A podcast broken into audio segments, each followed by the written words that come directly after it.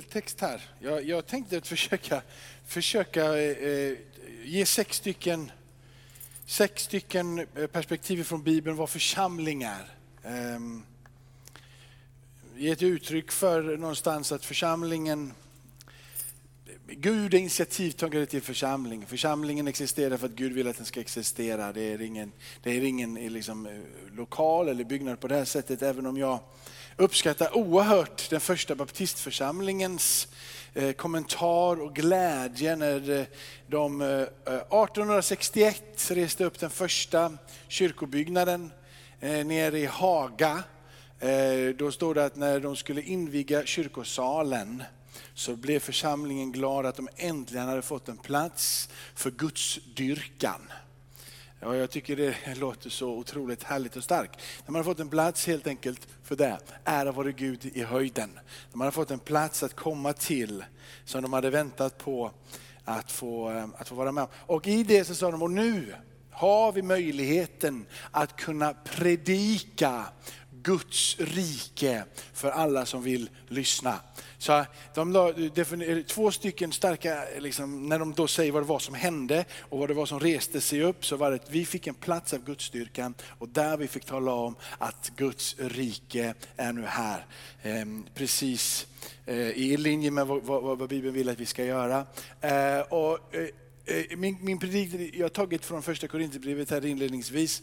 Och och kommer att tala om hur vi, hur vi är sammanlänkade med varandra. Men vad jag egentligen vill göra med min predikan idag är att jag vill, vill visa för dig hur, hur, att, att, församlingen ligger på Guds hjärta. Gud har fött fram det som du och jag eh, ser som församling, att det är Guds initiativ. Syftet med varför den finns där, hur den ska ge ett eko i, i, i himmelen, hur den ska ge ett eko här på jorden. Eh, meningen med att eh, det ska finnas en plats där vi får växa tillsammans, både i våra andlig klarsynthet, eh, mognad i Kristus och så vidare. Men också hur vi kan växa tillsammans, att det får bli som en familj där man fostrar, lär och hjälper varandra att bli eh, starkare eh, människor tillsammans helt enkelt på de områdena som man idag kanske då inte är lika stark. Någonstans att komma till den platsen Ungefär som man har tonåringar i sitt hem eller man har barn i sitt hem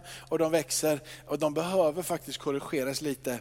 Eh, min, jag har ju en, en, en tjej hemma som är 14 eh, och den, det, det, är ju, eh, nu är inte hon här och hon kommer inte lyssna på det här heller. Och, men det är mycket känslor, det är mycket känslor i mig med.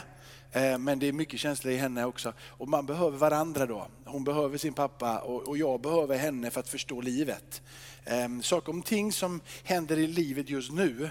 Om inte jag hade haft en 14-årig dotter så hade inte jag förstått de sakerna. Det kan vara allt ifrån att man ska se ut på ett speciellt sätt och det här är trendigt. Men det är också vissa saker som händer i skolan, händer som inte man överhuvudtaget skulle greppa annars. Så får man en förståelse av världen utifrån hennes perspektiv. Och så blir vi tillsammans i en församling med alla dessa olika delar eh, bättre på att förhålla oss till det som är där ute. Ehm, eh, och sen då såklart att budskapet eh, som Gud har lagt i församlingen att förmedla ut till den här världen. Så det, det, det som jag sa här var mina sex punkter. Och ehm, vi får se hur strukturerad jag blir, antingen bara predika ut det eller så talar jag om när jag är vid punkterna. Det beror på hur mycket adrenalin som, som, som studsar i min kropp idag och hur, hur varm jag är. Men Antingen så läser du med mig eller så, så, eh, så, så lyssnar du, får göra vad du vill. Kroppen är en och har många delar, men trots att kroppens alla delar är många utgör det en kropp. Så är det också med Kristus. I en och samma ande är vi alla döpta för att höra till en och samma kropp. Vare sig vi är judar eller greker, slavar eller fria, och vi har alla fått en och samma ande utgjuten över oss. Kroppen består ju inte av en enda kroppsdel utan många. Om foten säger, jag är inte en hand, så hör jag inte till kroppen, så hör jag ändå till kroppen. Och om örat säger, jag är inte öga, så jag hör inte till kroppen, så hör det ändå till kroppen. Om hela kroppen vore öga, var fanns då hörseln? Om allt vore hörsel, var fanns då luktsinnet? Men nu har Gud satt samman delarna i kroppen, var och en av dem som han vill. Om alla vore en enda kroppsdel, vad vore då kroppen? Men nu är kroppsdelarna många och kroppen ändå en. Vi hänger ihop på något sätt. Va? Det är ganska tydligt när Paulus undervisar om, om församlingen. Eh, församlingen, det ordet som används för att tala om kyrka, församling, är ett ord som är, är eklesia. Eh, och det ordet eh, är ett ord som, som användes i språkbruk helt enkelt. Och förklarade egentligen en grupp församling, en församling av människor. Och specifikt i Bibeln så blir det ju en församling, en, en grupp av människor som är utkallade för att bilda en grupp med också ett klart och tydligt syfte. Det finns ett syfte med varför den här gruppen möttes. Det är så man använder ordet. Det var en, en grupp av människor här borta som blev en, en eklesia och där möttes man. Sen när vi då läser det nya testamentet så innefattar det en grupp av människor som är utkallade för att föra eller att representera någonting. Eh, att antingen representera för några andra, man har blivit utvald utav er, en, annan grupp för att vara en representant för Mm, liksom fotboll eller vad det nu än må vara. Jag är en representant för hela det här fotbollsgänget, så är vi en viss grupp av människor. Då är vi utkallade ur den här gruppen för att representera och föra talan för vad det är för någonting. I Bibelns bemärkelse så blir det att vi är utkallade eller kallade ut ur för att representera Gud, för att han lägger sitt välbehag över den här gruppen för att föra hans doft vidare. Bibeln lägger två stycken aspekter på, på det här. Du pratar om den universella församlingen. Alla vi hör ihop med alla i alla länder ständigt. Både de som har gått före oss och de som kommer efter oss. Det finns, vi är en samlad eh, skara, den universella församlingen. Och det är väl här som Paulus adresserar, även om han skriver till församlingen i Korint, så adresserar han ju att vi hänger ihop på något förunderligt sätt. Och han säger att det sker genom min ande. Så vi hänger inte ihop för att vi gillar att fika tillsammans, vi hänger inte ihop för att vi har ett speciellt liksom, idé, utan vi hänger ihop för att anden är utgjuten i dig och mig, men också mitt ibland oss. Vi hänger ihop det är en andlig konstruktion. Det vill säga makt i den här världen kan inte bestämma över hans församling. Makter i den här världen kan inte styra hans församling. Det finns ingen möjlighet att det som är sammanfört utav Guds ande själv, att världens system med, med pengar och vad det nu må vara, kan vara den högsta institutionen i församlingen. Det är omöjligt. Hans ande är det som bringar oss samman.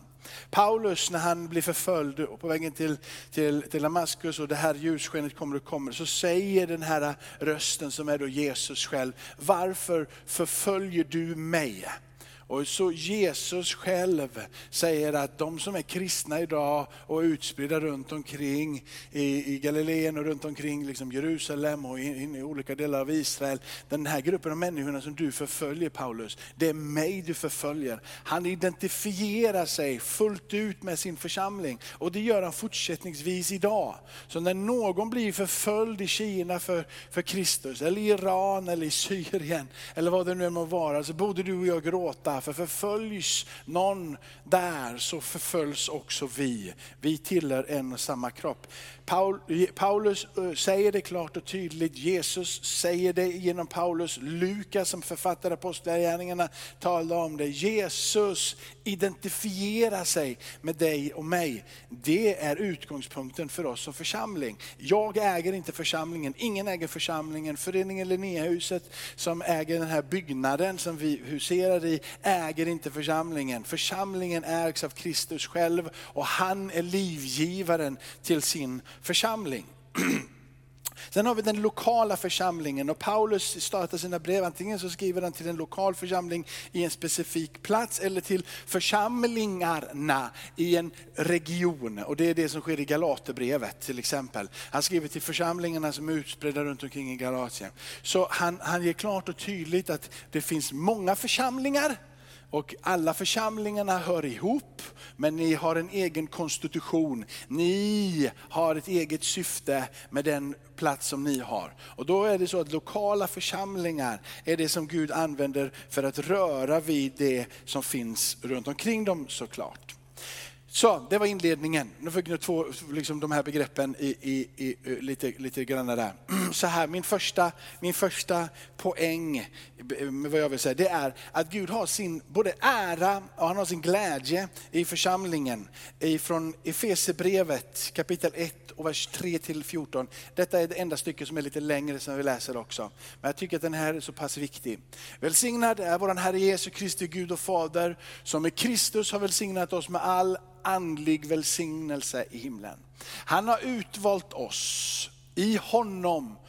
Och det är det här, före världens skapelse till att vara heliga och fläckfria inför honom. Det finns någonting som skedde innan det som fanns var redan kallat på. Församlingen hade redan fått sin plats innan någonting fanns till i honom. I kärlek har han förutbestämt oss till att ha barnaskap hos honom genom Kristus Jesus. Så han har förutbestämt oss att tillhöra honom, att han har utvalt oss och han kallar oss inte tjänare, han kallar oss inte slavar, utan han säger att det finns ett barnaskap. Du föds in i Guds eget hushåll Guds egen familj. Han vårdar sin församling lika mycket som han vårdar dig. Och han gör det efter sin goda viljas beslut. Till ära och pris för den nåd som han har skänkt oss i den älskade. I honom är vi friköpta genom hans blod och fått förlåtelse för våra synder tack vare den rika nåd som han lät flöda över oss med all vishet och insikt. Han har låtit oss få veta sin viljas hemlighet enligt det beslut han har fattat i Kristus. Den plan som skulle genomföras när tiden var inne.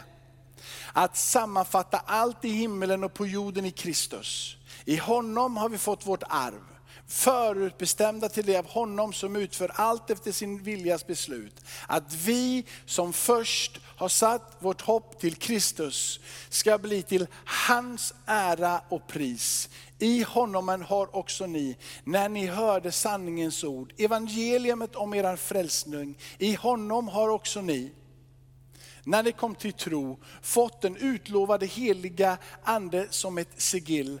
Anden är ett förskott som garanterar vårt arv till hans eget folk skall befrias till hans ära och pris. Så han utgjuter sin ande och vi vet att vi är arvingar, Kristi medarvingar på grund av att den ande som utgår ifrån Fadern och som blir sänd i Jesu namn tar sin boning i oss. Och så säger hans eget folk skall befrias. Du och jag, vi är det folket som han identifierar sig med. Och han säger att i mitt folks befrielse ligger hans ära och hans pris. Amen. Vilket, vilket gör att han har sin ära och sin glädje när församlingen möts. När församlingen möts och vi igenkänner att vi hör ihop. Vi igenkänner hur församlingen är viktig. När vi möts och vi säger, det är du Gud, som, som, ett, som ett kompani, som ett gäng. Inte individer bara, men när vi möts i helheten och igenkänner det här, så säger han, det där, det där är det folket som jag har befriat. Och jag har min ära i deras pris och jag har min glädje i deras lov. Så när lovsången ljuder och när toner och strängar och ord går upp och vi ber ordet förkunnas mitt i församlingen, så ära vare Gud i höjden. Han tar emot din och min lovsång. Han tronar på det du och gör mitt i hans folk. För vi, mitt i hans församling, för vi är hans folk. Så han har redan kallat på dig. Jag vill säga så här med, varför han ser det så dyrbart, varför det är så dyrbart och inte bara, var lite bra att de möts sådär. Det är nästa vers. För att han säger så här, att ge akt på er själva och hela den jord där den heliga ande har satt er som ledare, till att vara herdar för Guds församling som han har köpt med sitt eget blod. Jag vet inte, men, men jag brukar ta hand om de sakerna jag köper som är extra dyra, tar jag hand om extra mycket. Och här så är det köpt med eget blod. Han lämnade himmelen, han dog och han uppstod med syftet att samla ett folk, att befria ett folk som skulle, han skulle ha sin ära i. Det var många ord i samma mening, jag vet, men, men om, du, om du följer den. Han köpte sig ett eget folk, han befriade människor, gav sin nåd till ett folk, du och jag, som han skulle ha sin ära i. Du är hans ära. När du igenkänner vem han är, han kan inte bli mer tillfredsställd i himmelen. När församlingen fullt ut igenkänner vem han är, han kan inte bli mer lovprisad. Där sätter han sin ära och sin pris i att vi ska igenkänna att vi har blivit befriade, att vi är hans folk. I det så utger han att det här har jag min glädje, här har jag min fulla tillfredsställelse. Vi är hans familj. Jag, jag, jag kan, när folk, om, om, om någon skulle slå mig så är det en sak. Men om någon är på mina döttrar så är det en helt annan sak. Det är någonting som händer i en som blir, det, det, det, liksom, det slår slint. Det är, mitt, det är mina barn. På samma sätt agerar Gud och tänker, för vi är hans. Han sätter sin ära i att beskydda dig. Han sätter sin ära i att ta hand om dig. Det är en sak när folk säger, Gud du är sån här och Gud jag tror inte på dig. Det är som att det klarar han av. Men när församlingen sätts under press, när församlingen inte blir igenkänd, så går han till församlingen och säger, böj er, böj era hjärtan inför mig, för det är hos er jag har min ära och pris. Jag vill ta hand om er som barn. Och till världen säger han, rör inte min församling. Han skyddar sin församling lika mycket som han kommer till dig och mig. Ödmjuka er och förstå att jag har min ära i församlingen. Så skyddar han oss ifrån världen. Och han säger, fortsätt att be. Min ande bor i er och jag har en utkorelse för er som likställs med att ni är en brud. Och en brud är någonting som förklaras som ska bli vit, vacker, färdig, redo att möta honom i höjden. Har jag gjort den punkten klar va? Jag kan släppa den eller? Då släpper vi den. Jag skulle vilja säga en sak till för att, för att, för att ännu mer höja den andliga dimensionen av församlingen. Jag kommer på slutet säga att vi ska ta socialt ansvar och sådär så det kommer liksom balanseras ut. Men det är så här att änglarna, de har undrat i evigheter. Vad är det som Gud har för hemlighet? Vad är det för någon hemlighet som han förkunnar och talar som inte vi förstår? Vad är det profeterna talar ut? Vad är det de säger? Vad är det Gud har på sitt hjärta? Han säger att han har en plan, att han ska upprätta upprätta sitt rike. Det som har fallit ska bli upp. Änglarna funderar. Änglarna har funderat, nu behöver de inte fundera längre för det hände ju för 2000 år på korset. Men änglarna undrar vad är det som Gud har i görningen? Änglarna är en plats där Gud demonstrerar sin fullständiga vishet i den mångfald han har lagt i församlingen från Efesierbrevet 3 och 10. Läser det tillsammans. Nu ska Guds vishet i sin väldiga mångfald göras känd genom församlingen. Detta utkallade folk som du och jag är en del av. Där ska Gud visa sin, sin vishet i den här väldiga mångfalden genom församlingen. Och här kommer alla härskare och makter i den himmelska världen att bäva när de förstår att Gud har lagt ner hela sin vishet mitt i församlingen. Det är det här änglarna har fått en dröm, att förstå. Det är det här änglarna celebrerar i Uppenbarelseboken. Vi läser med det. Uppenbarelseboken kapitel 5 och vers 9 så står det så här, det är änglarna som sjunger. Änglarna sjunger, änglarna jublar, änglarna är helt saliga. Du är värdig att ta boken och bryta dess sigill, för du har blivit slaktad med ditt blod. Hemligheten om vad Kristus har gjort har inspirerat änglarna själva att sjunga till Guds ära. Änglarna har blivit inspirerade utav att han har blivit slaktad, att blodet har blivit utgjutet så att du och jag kan bli hans folk, befriade ur, värld, ut ur världen till hans ära och pris. Och då börjar änglarna att sjunga. Änglarna börjar jubla i himmelen. De tittar på församlingen och säger, Guds vishet.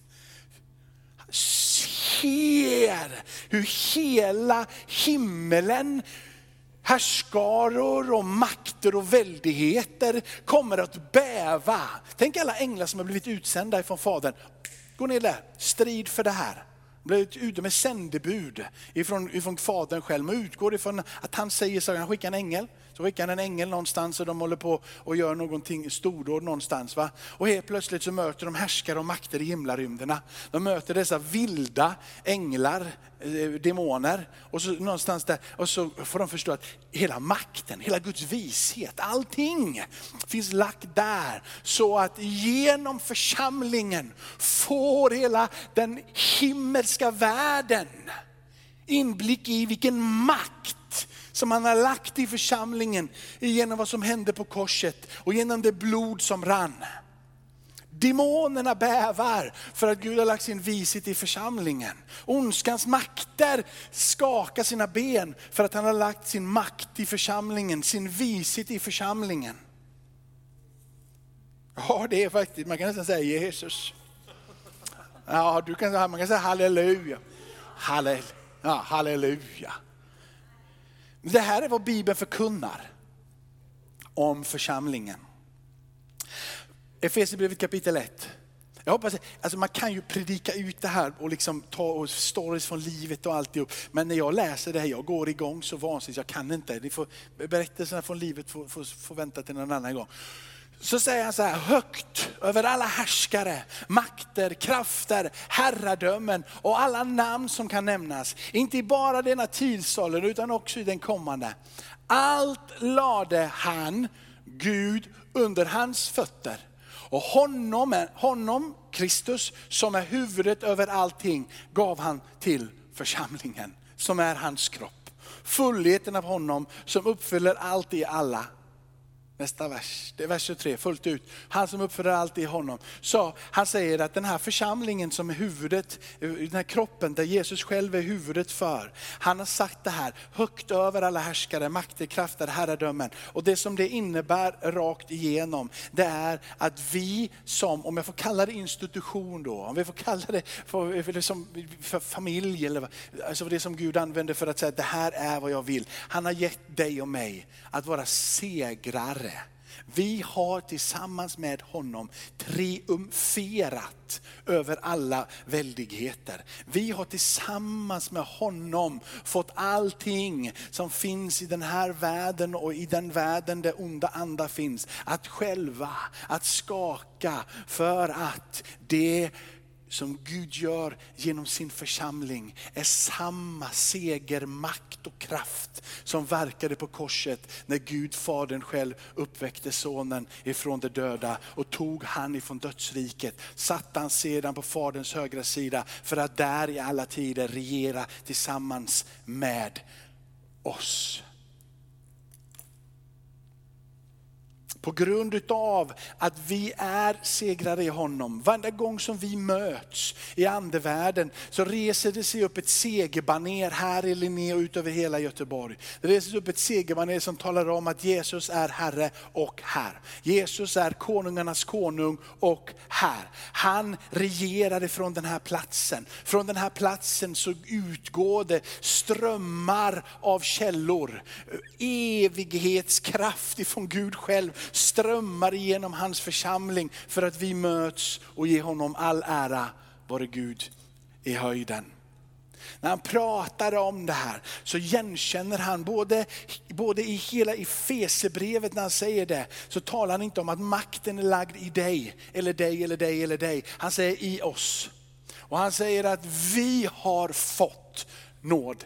Vi har fått mandat, eller i oss har han lagt. Och han återkommer hela tiden, Paulus, när han förklarar vad församlingen är och hur församlingen segrar över motståndet i världen. Hur församlingen kan få det som vill resa sig upp att komma under lydnad. Så kallar han på vi och oss hela tiden. Det är ett förståelse om att det är när vi är tillsammans och igenkänner att vi som hans folk är honom till ära och pris, så ligger hela kraften att bryta sönder det som vill resa sig upp. Han säger så här i Romarbrevet 8 och 38 30, vers 38, Romarbrevet 8, vers 38 och 39. Då säger han,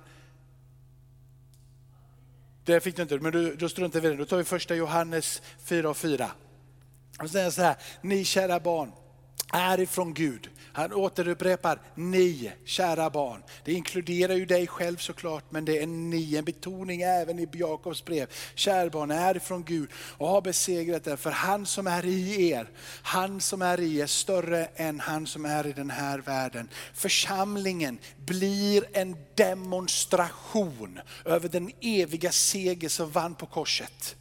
Varenda gång vi möts så skjuter vi in församlingens rätta plats i universum. Amen. Församlingen behövs för flera saker, för de här andliga verkligheternas skull. Men församlingen är också en plats av lydnad, en plats av fostran, en plats utav att växa. Och jag, jag, jag har, eh, sen jag landade här, pratat väldigt lite om, om, om hur, man, hur man växer som kristen. Eh, jag har, sen jag landade här, varit här i fyra år, mer eller mindre bara predikat Jesus Kristi död och uppståndelse. Och hållit mig till väldigt mycket av eh, grunddoktriner. Jag har, inte, jag, jag, har, jag har inte pratat nästan någonting om tillämpningen utav den undervisning som till exempel Paulus. Jag har varit och rört vid i bergspredikan kapitel 5, kapitel 6, kapitel 7 i Matteus och även varit inne i slättpredikan i Lukas. Men jag har inte riktigt än ens adresserat eh, det som Paulus pratar om hur man växer som kristen och så vidare. Men jag vill bara säga det, att växa som kristen så behöver du en församling. Lika mycket som att växa som ett barn så behöver du din familj. Det går inte att bli en fullvogen människa som har rätt perspektiv på livet om bara vara helt utanför en församling. Det går inte, lika lite som det går inte för ett barn att leva själv utan sin familj. Det måste finnas referensramar. Det måste finnas saker och ting man plockar upp, man lär sig. Och saker ibland där man blir korrigerad och där man blir hjälpt när man inte klarar sig själv. Och hela den här balansen är lagd även i den andliga verkligheten. Mitt i församlingen så är det menat att vi ska, att vi ska växa upp, att vi ska förstå så att vi inte står kvar på samma plats hela livet utan vi rör oss framåt. Det tar vi som naturligt när det kommer till våra familjer. Varför är det onaturligt i församlingen? När, vi behöver ju våra familjer. Ja, när, när, när det är jul så, så är det ju självklart att antingen så möts vi med Helenas familj eller så möts vi med min familj. Och det är ju så att den här, den här brokiga skaran umgås ju inte hela tiden men när man möts som familj så igenkänner man varandra ändå. Man pratar om minnen, man pratar om sånt som har hänt, man pratar om sånt som skall komma. Och helt plötsligt, trots att man inte möts varje dag under hela året, så finns det någonting som formar den där stunden. Någonting utav igenkännande, någonting som gör att man känner att det finns en tillhörighet. Jag tillhör. Jag är en del av. Jag har en plats. Jag har faktiskt en historia. Och om vi vårdar det vi har så kommer jag ha en framtid. Någonting av att se var jag kommer ifrån och var jag är på väg syns där på julafton på något sätt, trots hur brokigt det än är. Och ibland då när, det, när familjen är väldigt splittrad så känns det som att oh, vi skulle behöva mycket tid mer till med varandra. Liksom. Och för att forma det här ännu mer och hitta, eller vi blir ännu mer ovänner. Ni förstår, men det är, finns någonting där. Och det finns nedlagt i församlingen också. Jag vet, Andrew han har gjort det jättebra för han har varit inne på vissa saker och det är tur att vi har Andrew här som har valt att gå in i, i olika och prata om hur, hur, man kan växa och prata förra söndagen till exempel hur man tar rätt beslut och sådana här saker. Så gå gärna in och lyssna på de sakerna. Men jag har, eh, för, min, min, min första längtan är att vi ska förstå varför vi är här. Och när vi förstår varför vi är här, då förstår vi också varför vi behöver utvecklas. Så jag, förstår, jag är frälst, jag, jag har Kristus i mig och jag sitter tillsammans, jag har en ny identitet i Kristus. Han har gjort allting för mig och du blir så oerhört tacksam för att jag har blivit frälst.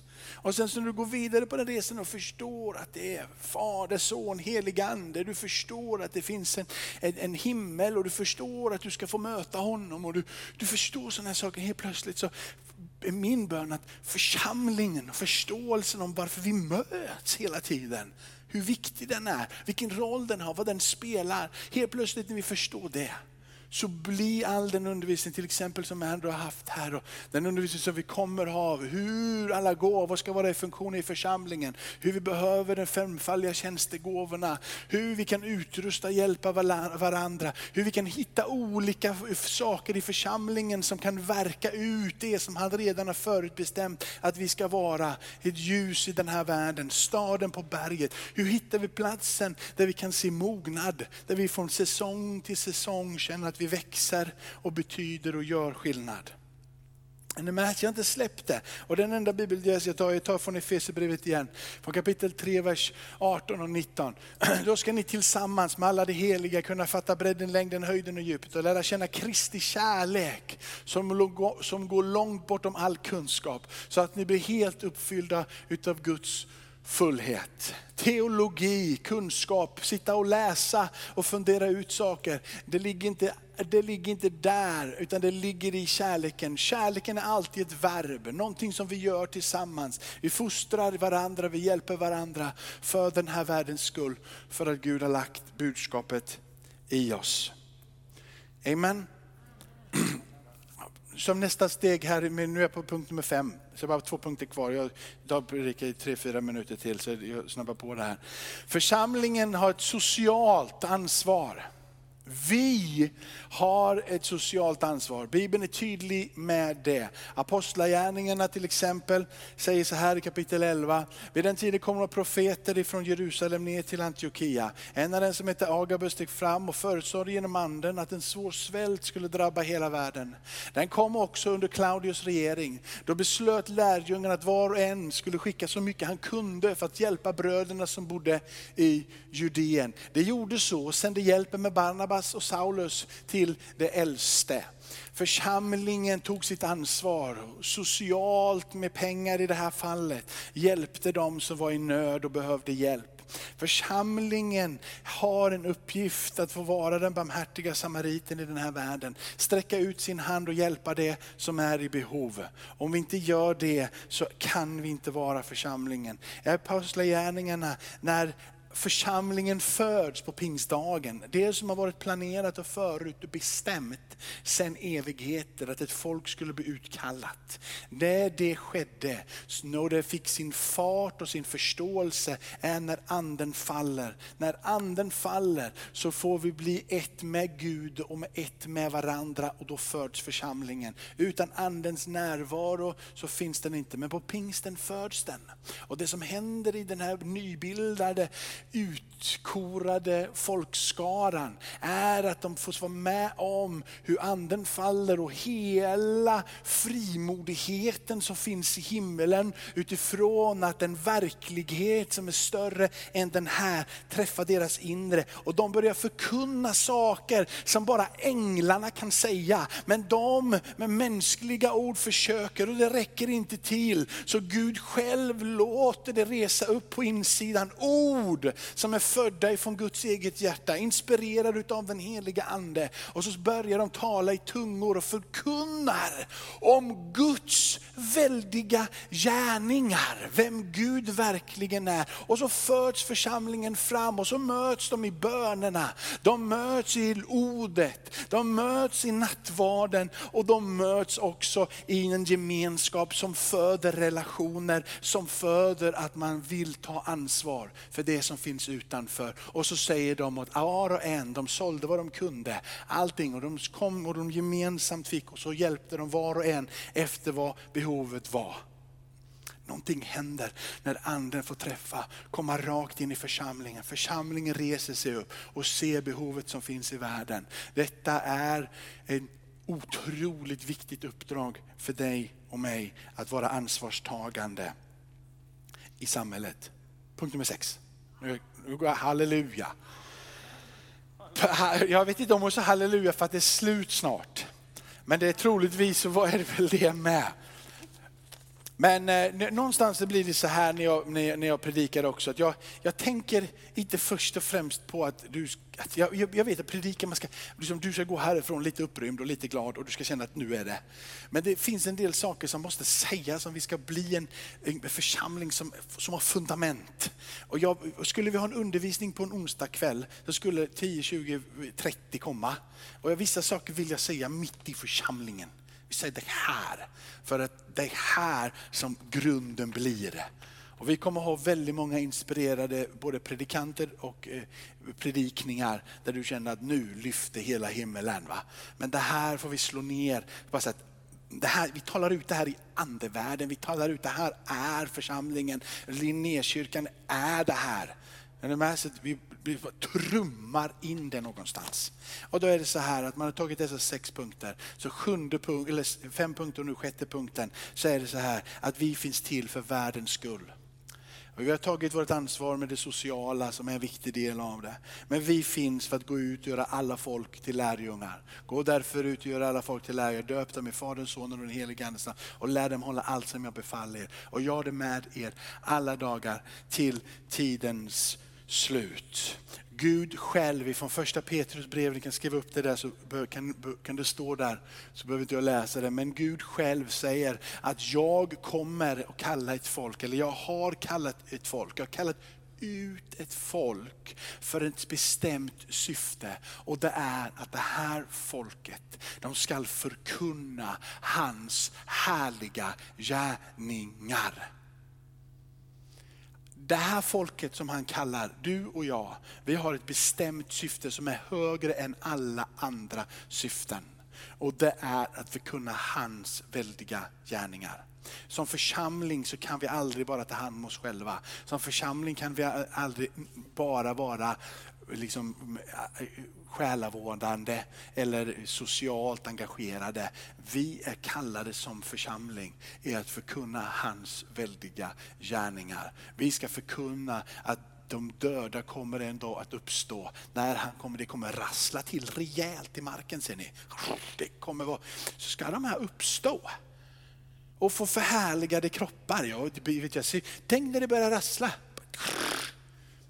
Det kan, hända, det kan hända både ett och annat här på jorden då tror jag, av förvånade blickar. Eller? Vi ska alla möta han i höjden. Och de som har dött, de har inte bara dött. Bibeln säger att de har insomnat. De ska ställas. Det är, det är hans väldiga gärningar vi pratar om Roger. Amen. Han ska komma tillbaka va? Vi pratar om att det finns makt i namnet Jesus att driva ut onda andar.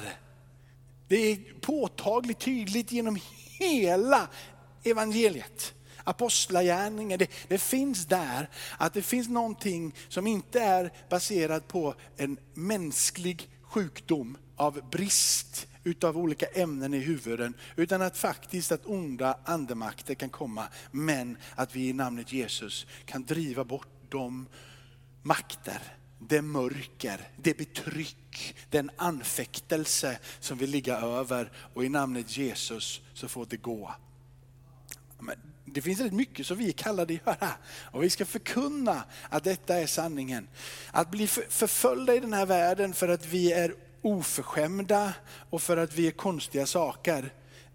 Det måste vi, måste vi på något sätt ta spjärn mot. Men om vi blir förföljda i den här världen för att vi förkunnar hans väldiga gärningar. Då kommer det komma en salighet över våra liv. En sista vers och sen så säger jag amen. Men vi tackar Gud ifrån andra Korintierbrevet kapitel 2, vers 14 och 16. Men vi tackar Gud som ständigt för oss fram i Kristi seger tåg och sprider sin kunskapsdoft genom oss överallt. Jag skulle nästan kunna stanna där. Hans kunskapsdoft sprids genom oss överallt.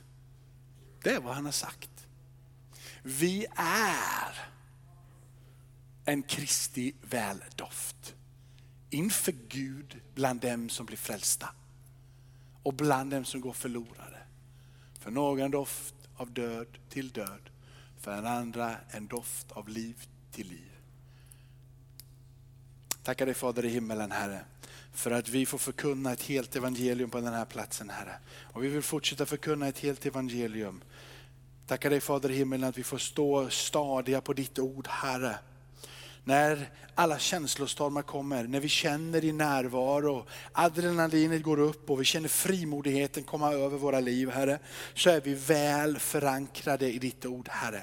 När anden kommer som en vind och blåser oss i backen Herre, och när tungomålstalet kommer och man känner att nu börjar det röra på sig, när de sjuka blir botade Herre, när de som har varit under anfäktelse blir befriade, när vi ser hur din härlighet tar sin plats och boning mitt ibland oss, så står vi fast förankrade på solid undervisning ifrån ditt ord Herre. Vi tar ditt ord Herre och vi lägger det djupt, djupt i våra hjärtan Herre. Vi låter det få inspirera våra sinnen och våra tankar Herre, så vi kan urskilja och se när din ande faller, när din ande kommer Herre.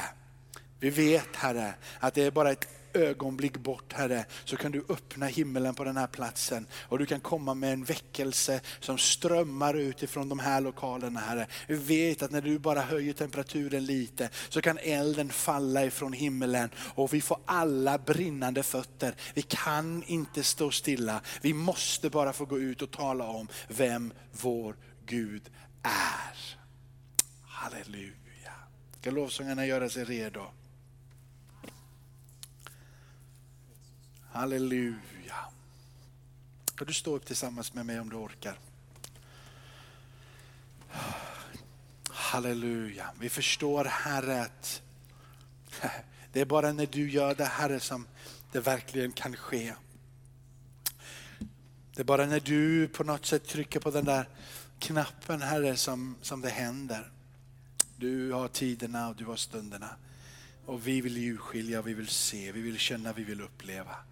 Vi vill få, Herre, eh, ingivelsen utav din Ande själv att röra oss in i det som du har sagt, Herre. Tack för nu när vi går in i nattvarden här, Herre, så eh, hjälper du oss, Herre, att ta emot din nåd och upprättelse. Tack för att du böjer våra hjärtan inför dig själv, Herre. Tack för att du är här, Jesus.